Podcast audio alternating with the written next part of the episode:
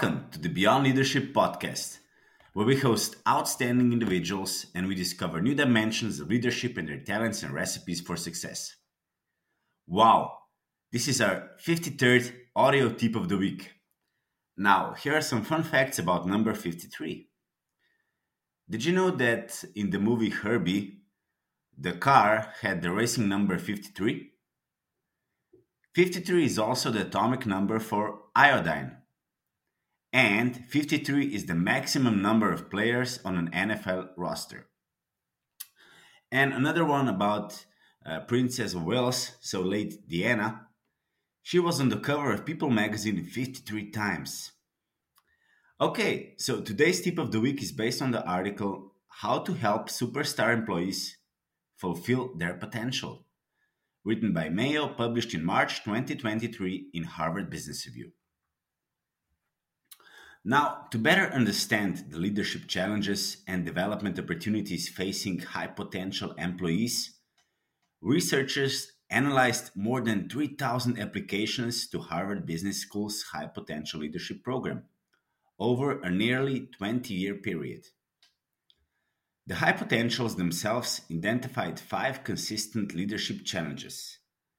Number one, leading teams. Number two, leading change. Number three, leadership style. Number four, leading a scale. And number five, driving business results. And their sponsors identified six areas of development strategic management, emotional intelligence, communication, leading at a scale, leading teams, and relationship management.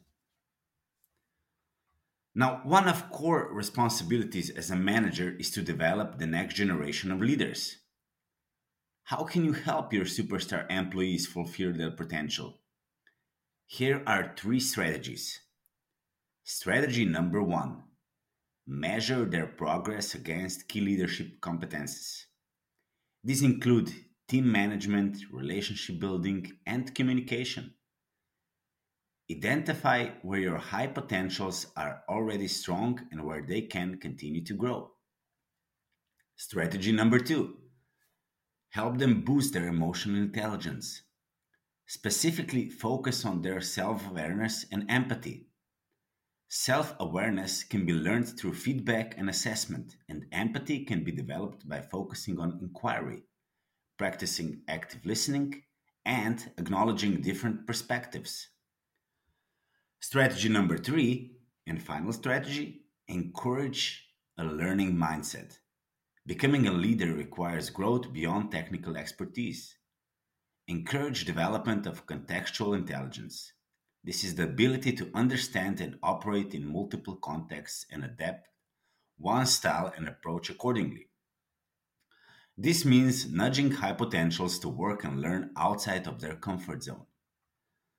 Now, while high potentials have been recognized for their results and work ethic, the next step in the leadership journey will depend on their ability to work with and through others. That success will come from a heightened focus and emotional intelligence, communication, and relationship management. To ensure the success of their high potentials, managers and organizations must provide coaching, developmental support, and stretch opportunities, and high potentials must embrace them with an open and learning oriented mindset.